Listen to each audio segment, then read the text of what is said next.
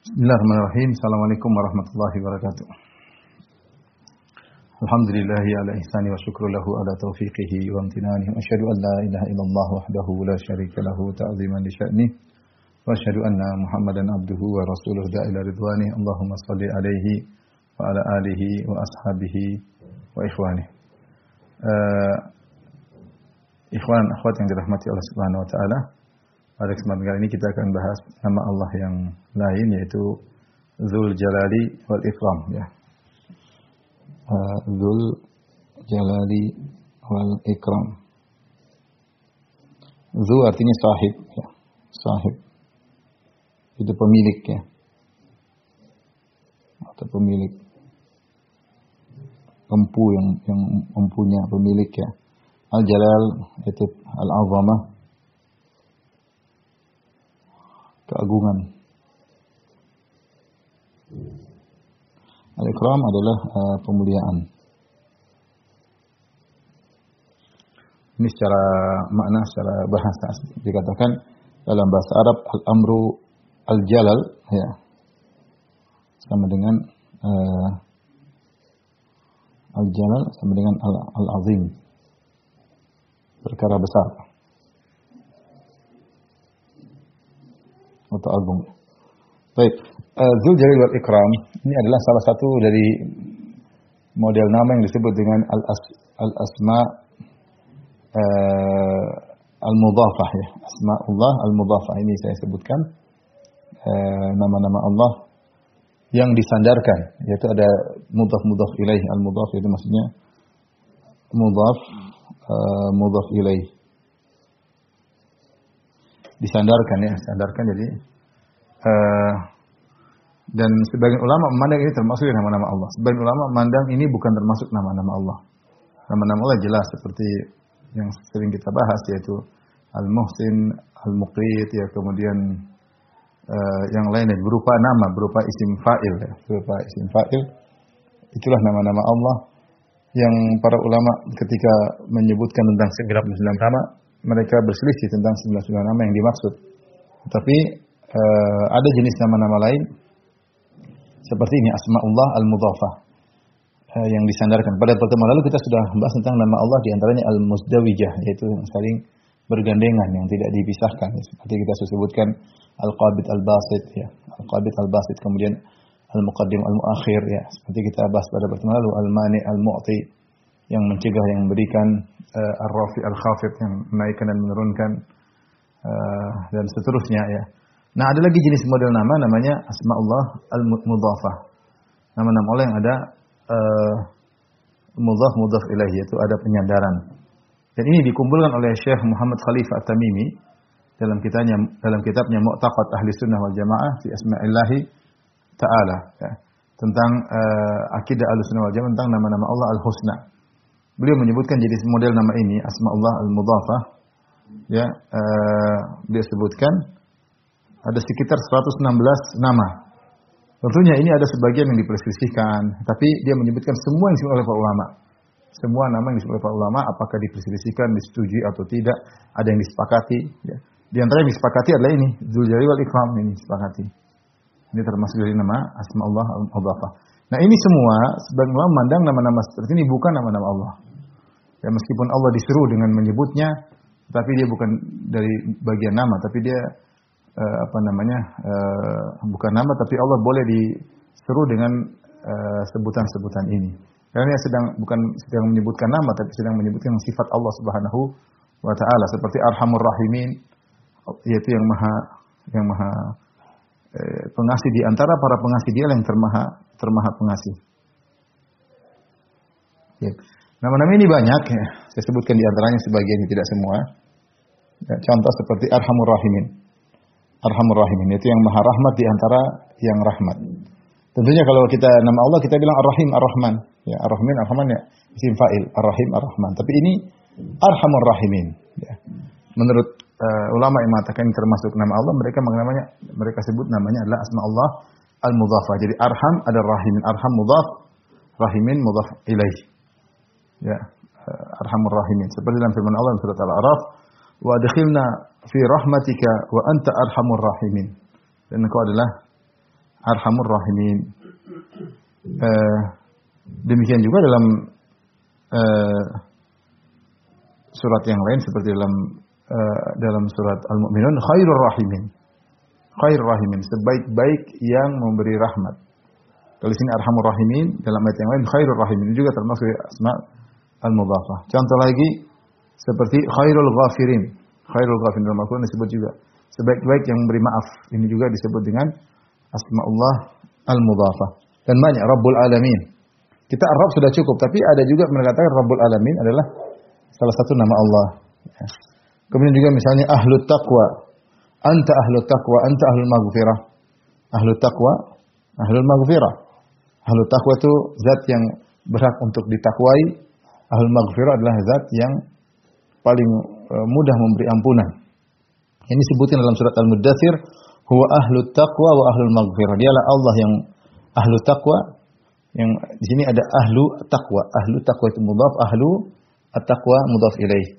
Dialah zat yang berhak untuk ditakwai dan dialah yang berhak yang paling mudah untuk memberi ampunan ahlul maghfirah.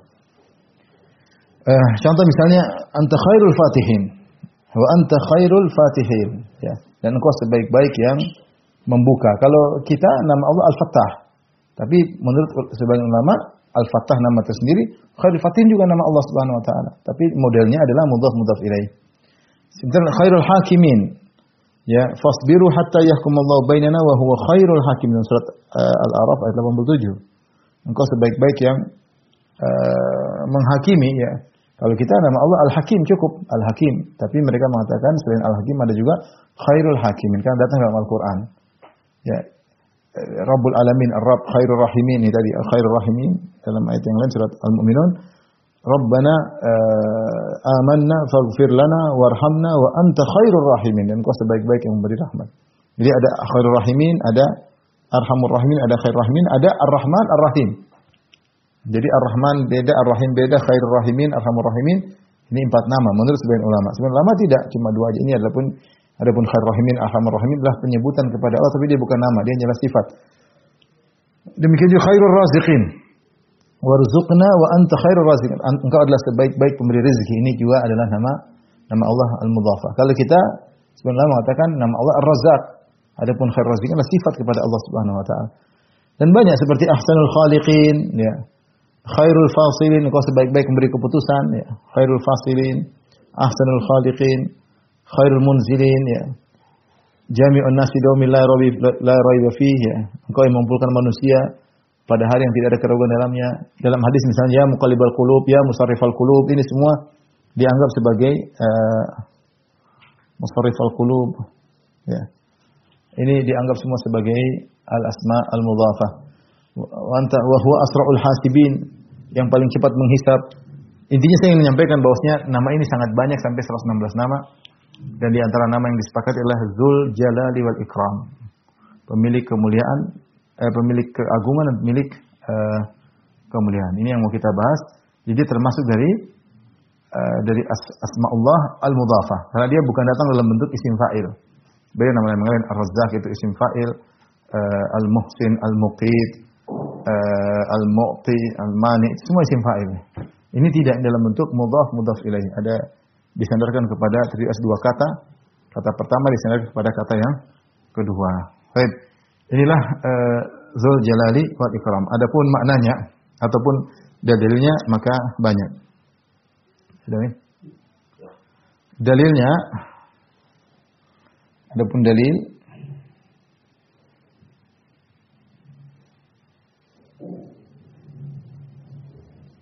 dalam Al-Qur'an dan dalam hadis-hadis Nabi wasallam, hadis-hadis Nabi. Adapun dalam Al-Quran maka Allah sebutkan dalam uh, surat Ar-Rahman, Tabarakasmu Rabbika Dzil Jalil wal Ikram. Ya. Allah Subhanahu wa taala, Tabaraka ismi Rabbika Dzil Jalali wal Ikram. Maha suci nama Maha suci nama Rabbmu Rabbika di sini Rabbika zil jalal ikram. Jadi Zil Jalal adalah sifat dari Rabb. Zil Jalal adalah sifat makanya sama-sama uh, apa majrur. Kasrah. Tabarakasmu rabbika zil jalal ikram. Maha Allah, maha nama Rabbmu yang Rabbmu itu adalah pemilik keagungan dan kemuliaan. Dalam ayat yang lain disebut ism ya, dalam ayat yang lain sama dalam surat Ar-Rahman. Tabarakasmu rabbika Zul jalali wal ikram. Ini bedanya kalau ini uh, ini doma ini jo. Jadi Zul jalali wal ikram adalah sifat dari ism. Kalau tadi yang uh, sifat dari Rob, ini sifat dari ism. Yang mulia adalah nama Allah dan kita tahu kalau nama Allah mulia apalagi Allahnya sendiri. Nama Allah saja kalau mulia apalagi Allah itu sendiri. Artinya dua ayat ini dalam surat Ar-Rahman, dua-duanya menunjukkan Allah memiliki sifat atau memiliki sifat Zul Jalil Ikram, sang pemilik, sang pemilik keagungan dan pemuliaan. Adapun hadis-hadis Nabi ada datang dalam beberapa hadis. Di antaranya di antaranya hadis-hadis tentang sifat Al-Jalal ya. Pertama hadis-hadis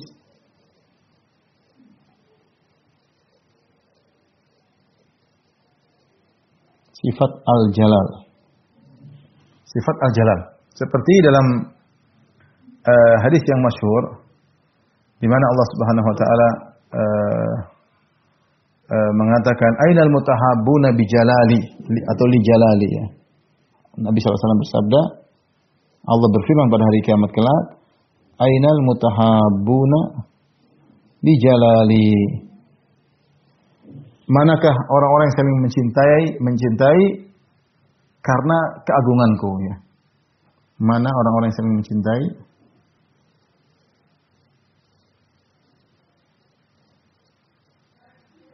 Mencintai karena keagunganku. Imam Nawawi, Imam Nawawi rahimahullah berkata maksudnya Allah mencari orang yang saling mencintai karena Allah, bukan karena dunia. Tapi mereka mencintai karena pengagungan terhadap Allah Subhanahu wa taala, maka Allah cari mereka pada hari kiamat kelak dan Allah ingin muliakan mereka pada hari uh, kiamat kelak ya. Kata Allah, kata Nabi Inna Allah yaqulu yaumal qiyamah. Allah berfirman pada hari kiamat kelak ainal mutahabuna bi jalali. Dalam riwayat li jalali. Mana orang-orang yang saling mencintai karena mengagungkan aku? Karena keagunganku al yauma udzilluhum fi dhilli yauma la dhilla illa dhilli. Hari ini aku aku aku akan naungi mereka pada naunganku yang tidak ada naungan kecuali naunganku ya. Uh, tadi jadi dalam riwayat bijalali ada li jalali dalam riwayat bijalali bi dua-duanya jadi huruf ba satunya huruf li. Ya. Bijalali li jalali maknanya sama dalam riwayat yang lain juga dengan li ya. Allah.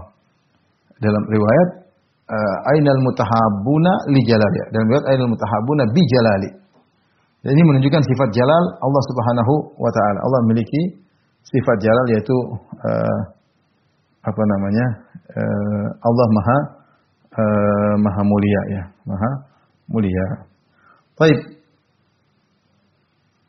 Kemudian juga dalam uh, hadis yang lain ya.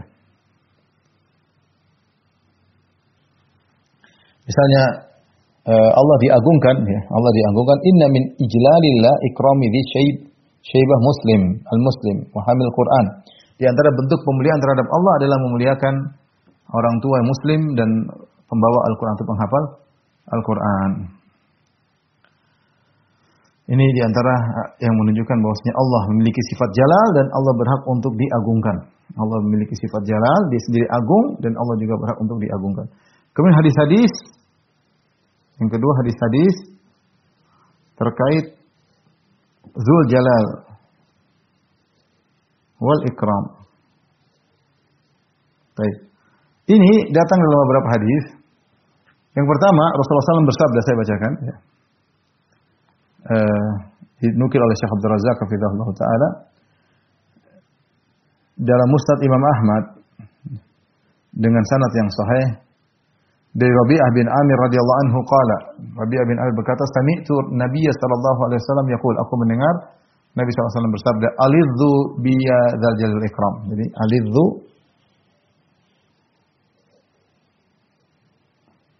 alidhu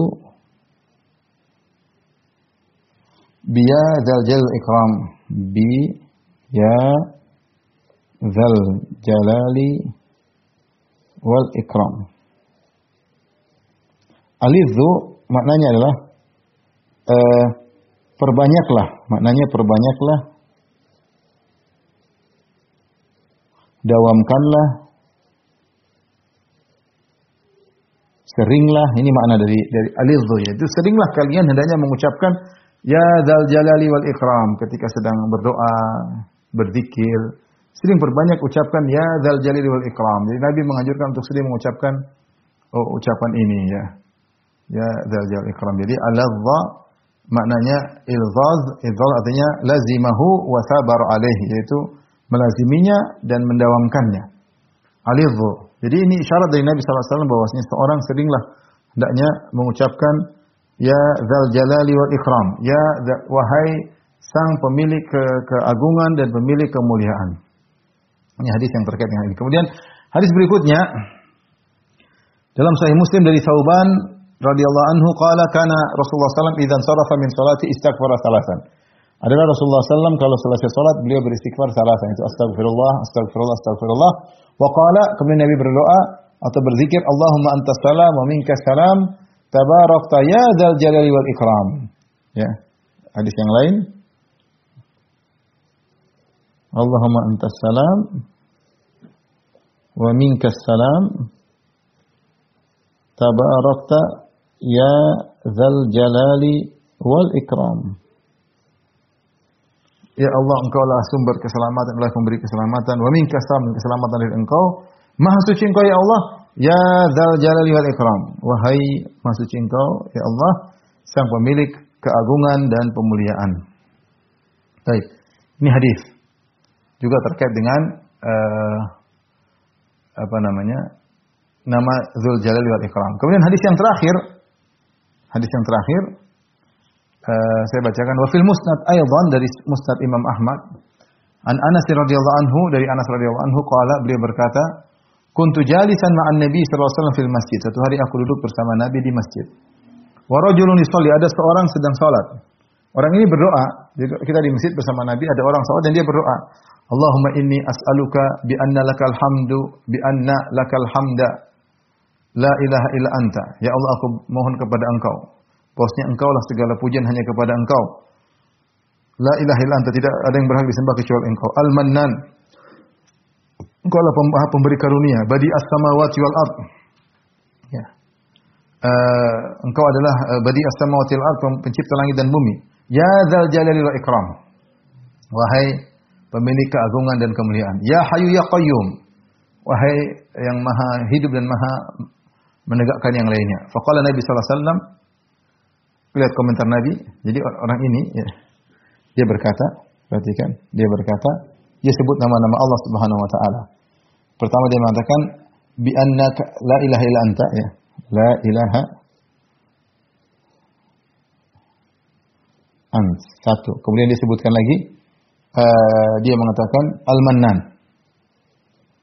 Kemudian dia sebut lagi badi'us samawat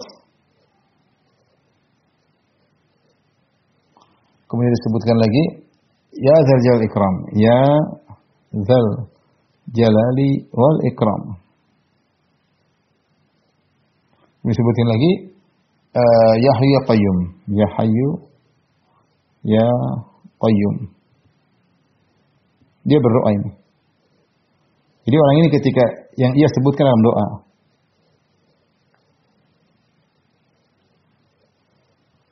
doa lelaki tersebut Baik. Apa komentar Nabi SAW ketika mendengar seorang berdoa dengan doa ini? Beliau berkata, Allah bismihil a'zam alladhi idha du'ya bihi ajab. Sungguhnya orang ini telah berdoa dengan nama Allah yang teragung. Yang jika Allah disuruh dengan nama tersebut, ajab Allah akan kabulkan. Wa idha su'ila bihi a'ta. Jika atau atau u'tiya. Kalau dia meminta, jika Allah uh, diminta dengan nama tersebut, wa su'ila bihi a'ta, maka Allah akan memberi pengkabulan. Nah, Jadi di antara nama-nama ini ada namanya Ismullahil A'zam.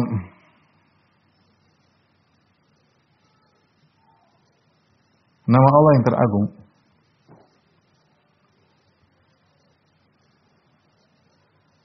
Para ulama khilaf tentang apa nama Allah teragung tersebut. Ada yang mengatakan Hayyu Qayyum, ada yang mengatakan Ya Dzal Ikram.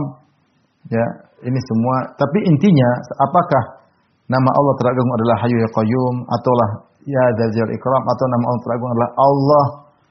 Intinya dia menyebutkan nama-nama ini dan Nabi telah mengatakan sungguh dia telah meminta dengan nama Allah yang teragung yang jika idza du'iya bihi ajab.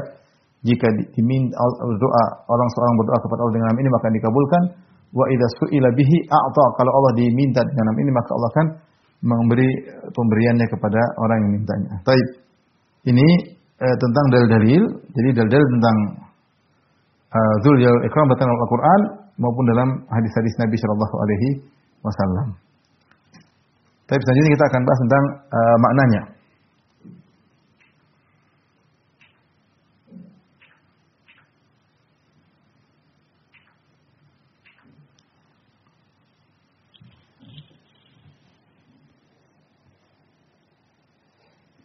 makna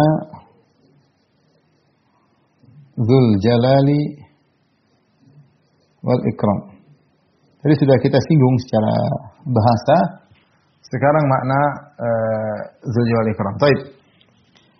Zu tadi sudah kita sebut maknanya adalah sahib atau pemilik. Uh, pemilik. Dan ternyata Allah menggunakan zu terkadang terkait dengan sifat terkadang maknanya terkait dengan makhluk. Zu terkadang pemilik sifat. Maksudnya adalah pemilik sifatnya sendiri. Terkadang maksudnya pemilik makhluk suatu makhluk yang mulia.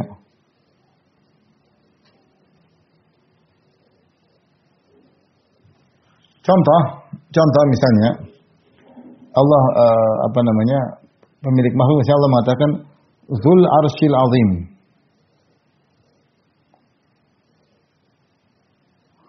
Pemilik ars. Pemilik ars. Kita tahu ars adalah makhluk. Ars adalah makhluk. Ars adalah makhluk ya. Contoh misalnya uh, apa namanya uh, seperti Allah mengatakan ghafiriz dzambi wa qabilit taubi syadidil iqabi dzitaul ya dzitaul maksudnya dzitaul kalau diartikan taul adalah kenikmatan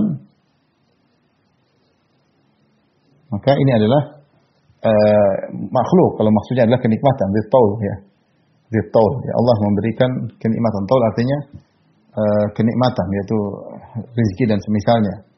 Dan kita tahu kenikmatan adalah makhluk. Ini juga makhluk. Kadang Allah menggunakan di seperti itu ya. Zil ma'arij ya. Zil ma'arij. Uh, taib, uh, kadang zu maksudnya pemilik sifat itu sendiri. Contohnya misalnya ini contohnya adalah misalnya Warabbukal ghafuru dzur rahmah Dzurrahmah, pemilik rahmat. Maksudnya Allah bersifat dengan Allah itu rahmat. Rahmat ini bukan makhluk, tapi Allah uh, pemilik rahmat ya. Uh, karena Allah Subhanahu wa taala rahim ya. Kemudian di antara contohnya misalnya Allah berfirman Dzul Quwwah. Dzul Quwwatil Matin dalam uh, Inna Allah huwa Razzaqu Dzul Quwwah Dzul Quwwatil Matin, pemilik kekuatan. Maksudnya Allah adalah Al-Qawi, Maha kuat. Kalau ini Sifat rahmat dan sifat kuat adalah sifat Allah. Sifat rahmat dan kuat adalah sifat Allah, bukan makhluk. Nah, ini maksud maksud kita, maksud saya ketika kita membahas tentang zu, zu al-jalal, maka maknanya bukan al-jalal itu bukan makhluk, tapi dia ialah pemilik kemuliaan. Jadi Allah Subhanahu wa taala pemilik keagungan. Dia pemilik keagungan ya. Baik. Jadi apa makna Dzul Jalali wal Ikram? Dzul Jalali wal Ikram ya bisa diartikan ya.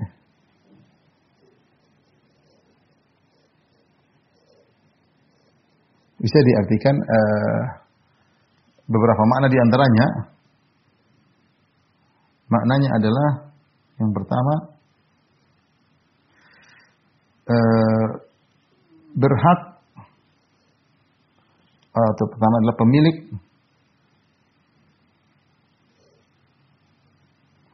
pemilik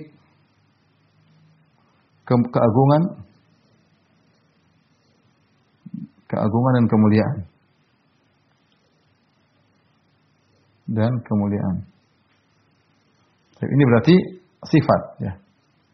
Sifat-sifat Allah. Berarti sifat-sifat Allah yaitu al-jalal wal, wal karam. Jadi Allah memiliki keagungan dan kemuliaan. Jadi Allah memiliki keagungan dan kemuliaan. Eh, yang kedua, maknanya adalah Allah yang berhak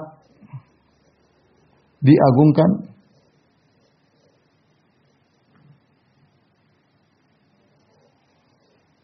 dan dimuliakan.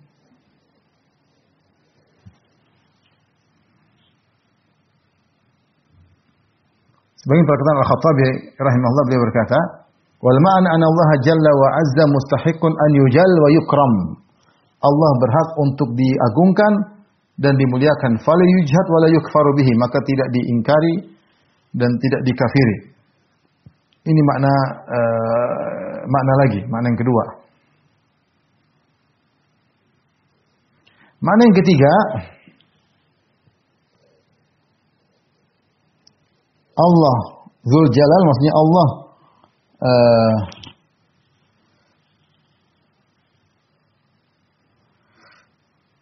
memuliakan, mengagungkan dan memuliakan makhluk-makhluknya, makhluknya yang mulia ya. Jadi kalau ini uh, kalau ini perbuatan dari hamba perbuatan dari hamba hamba kepada Allah. Jadi hamba yang paling utama adalah mengagungkan Allah dan hamba paling utama adalah memuliakan Allah. Adapun kalau ini maknanya perbuatan Allah kepada hamba.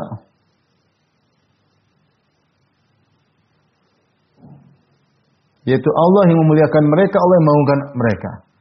Seperti Allah Subhanahu wa taala memuliakan para ulama, Allah memuliakan orang-orang saleh, Allah memuliakan mereka, Allah mengagungkan mereka, Allah angkat derajatnya. Nah, ini makna yang ketiga dari Zul Jalali wal Ikram. Zul Jalali wal wal Ikram. Uh, dan ini terkadang maknanya begini, terkadang maknanya begini. Terkadang makna yang pertama ini sudah jelas ya.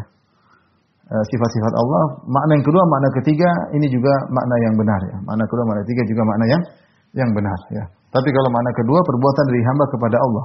Makna yang ketiga perbuatan Allah kepada para para hamba. Ini semisal semisal firman Allah Subhanahu wa taala. Nah, contoh di sini. Ini dulu ya, di kan.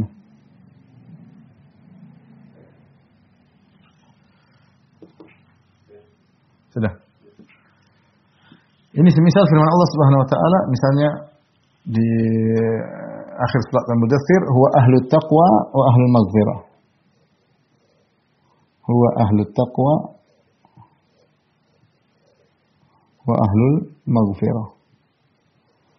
Uh, surat Al-Mudaththir ayat 56.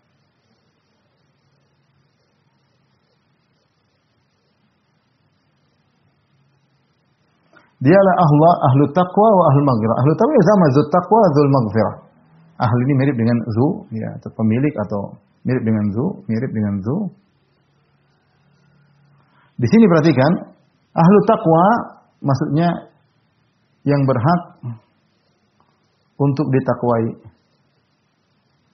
Ditakwai.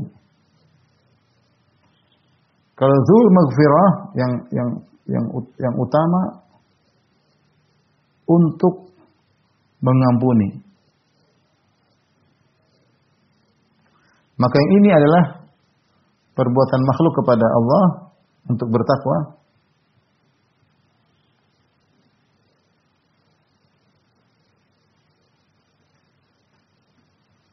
Kepada Allah untuk bertakwa kepadanya.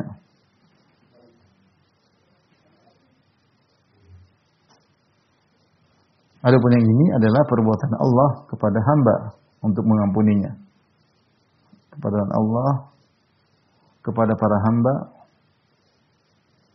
untuk mengampuni mereka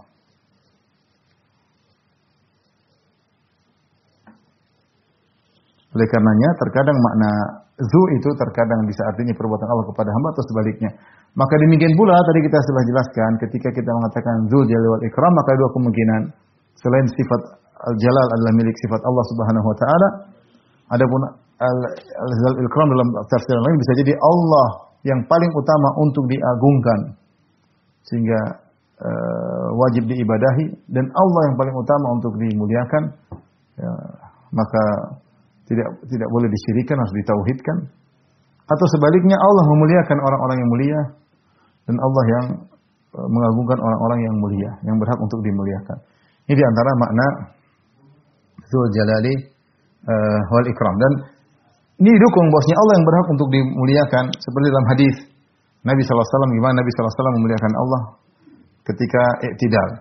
Wa minhu qaulun Nabi SAW idza rafa'a ra'sahu minar ruku'. Dan Nabi SAW kalau bangkit dari ruku itu tidak, beliau berdoa, Rabbana walakal hamdu setelah mengucapkan Rabbana walakal hamdu, kemudian berkata mil samawati wa mil ardi wa mil mil as-sama Rabbana walakal hamdu mil samawati wal ardi. Ya Allah kepada Engkau lah pujian sepenuh langit dan sepenuh bumi. Wa mil umma bainahuma dan sepenuh antara langit dan bumi. Wa mil umma syi'ta min syai'in ba'du dan lebih daripada itu yang kau kehendaki ahlus ahlus sana'i wal majid. Engkau adalah zat yang utama untuk disanjung dan diagungkan. Ahakku maqalal abd. Yang paling utama diucapkan kepada ham, para hamba. Wa kulluna laka. Dan hamba yang paling utama mujimu. Kami semua adalah hambamu. Allahumma la mani alima ataita wa la mu'ti alima mana'ta. Ya Allah tidak ada yang mencegah apa yang kau berikan. Wa la mu'ti alima mana'ta. Dan tidak ada yang memberi apa yang kau cegah. Wa la yang fa'udhal jaddi minkal jad. Dan tidak bermanfaat orang pemilik eh, kemuliaan di sisimu kemuliaan tersebut. Jadi semua kembali kepada Allah. Dialah Allah yang berhak untuk disanjung dan dialah Allah yang berhak untuk dimuliakan. Uh, uh, jadi oleh karenanya bisa jadi makna uh, al-ijlal yaitu Allah Subhanahu wa taala yang paling berhak untuk diagungkan dan dimuliakan. Meskipun demikian meskipun demikian perbuatan uh, tidak ada yang bisa memuliakan Allah sebagaimana Allah itu sendiri. Namun tidak ada bisa memuliakan Allah sebagaimana Allah muliakan dirinya sendiri.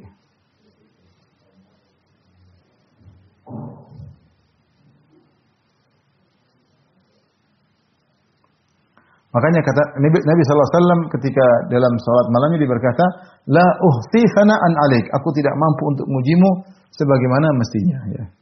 Ya, tidak bisa mengagungkan Allah sebagaimana mestinya karena Allah sangat-sangat agung, Allah sangat-sangat mulia.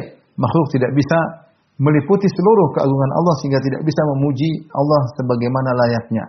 Karena masih banyak keagungan Allah di luar daripada nalar kita dan masih banyak nama-nama Allah yang indah di luar daripada uh, uh, kemampuan kita. Baik. Dari sini kita bisa mengambil faedah terkait dengan uh, Ikram ya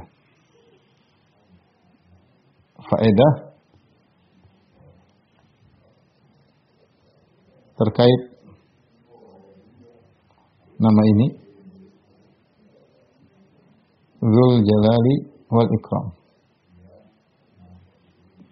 Yang kita bisa ambil faedah bahwasanya pertama sering berdoa dengan tawasul dengan nama ini.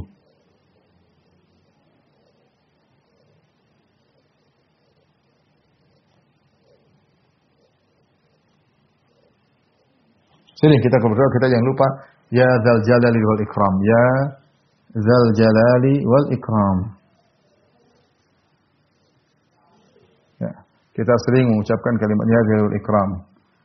Uh, kemudian uh, tadi disebutkan oleh para ulama jika Allah yang kedua jika Allah mulia jika Allah agung ya maka tidak dikafiri maka jangan kafir kepadanya. dan syirik kepada jangan. Dan jika Allah mulia, maka hendaknya diibadahi. Eh, mulia, maka disyukuri dengan beribadah. Banyak beribadah. Ya, karena kita tahu bahwasanya di antara di antara bentuk uh, pemulihan kepada bentuk kita memuliakan Allah itu mensyukuri Allah Subhanahu wa taala. Kita memuji Allah antara bentuknya adalah kita beribadah kepada Allah uh, Subhanahu wa taala ya. Kemudian di antara faedah yang bisa kita ambil ikhwan yang dan Allah Subhanahu wa taala bahwasanya tadi uh, kita diperintahkan untuk mengagungkan Allah. Untuk mengagungkan dan memujinya. Allah suka jika hambanya ya, memuji Allah Subhanahu wa taala. Sering kita memuji Allah, sering kita memuji Allah, berarti kita memuliakan Allah. Sering kita mentauhidkan Allah, bertawakal kepada berarti kita mengagungkannya. Berarti kita mengagungkan Allah. Yang terbentuk mengagungkan itu kita menganggap Allah yang paling mulia, Allah yang terhebat, maka kita banyak berzikir kepada Allah dengan banyak memujinya, dengan banyak dan bertawakal kepada Allah Subhanahu wa taala. Kemudian yang keempat, bahwasanya Allah memuliakan sebagian hambanya.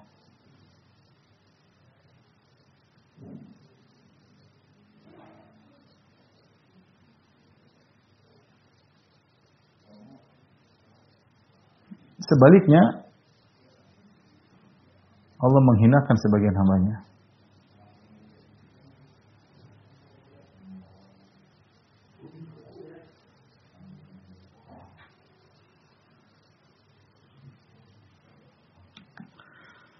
Dalam Al-Quran Allah Subhanahu Wa Taala berfirman uh,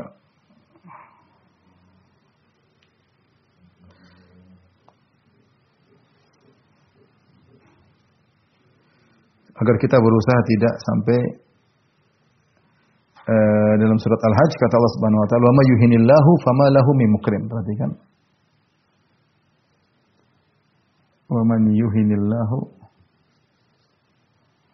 fama lahu min mukrim.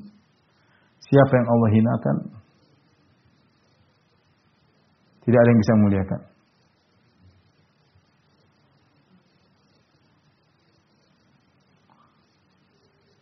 Maka sebaliknya, ya, siapa yang dimuliakan Allah tidak ada yang bisa menghinanya. Maka seorang berusaha mencari kemuliaan dengan bertakwa kepada Allah, meninggalkan maksiat, jalan ketaatan sampai dia dimuliakan oleh Allah meskipun orang semua menghinakannya tidak ada faedahnya. Kalau dia sudah dimuliakan oleh Allah dia akan mulia. Dan sebaliknya jika dia sudah dihinakan oleh Allah meskipun satu dunia memuliakan dia dia tidak akan uh, mulia. Wa yuhinillahu fama lahu mukrim. Siapa yang telah dihina oleh Allah maka dia tidak akan dimuliakan oleh Allah Subhanahu wa taala. Inilah uh, ikhwan dan akhwat yang rahmati Allah Subhanahu wa taala, mungkin sedikit yang disampaikan tentang Zul Jalali wal Ikram, maka seorang berusaha dalam doa-doanya jangan lupa dia berkata ya dzal jalali wal ikram ya dzal jalali wal ikram wahai zat yang maha agung dan maha mulia ya.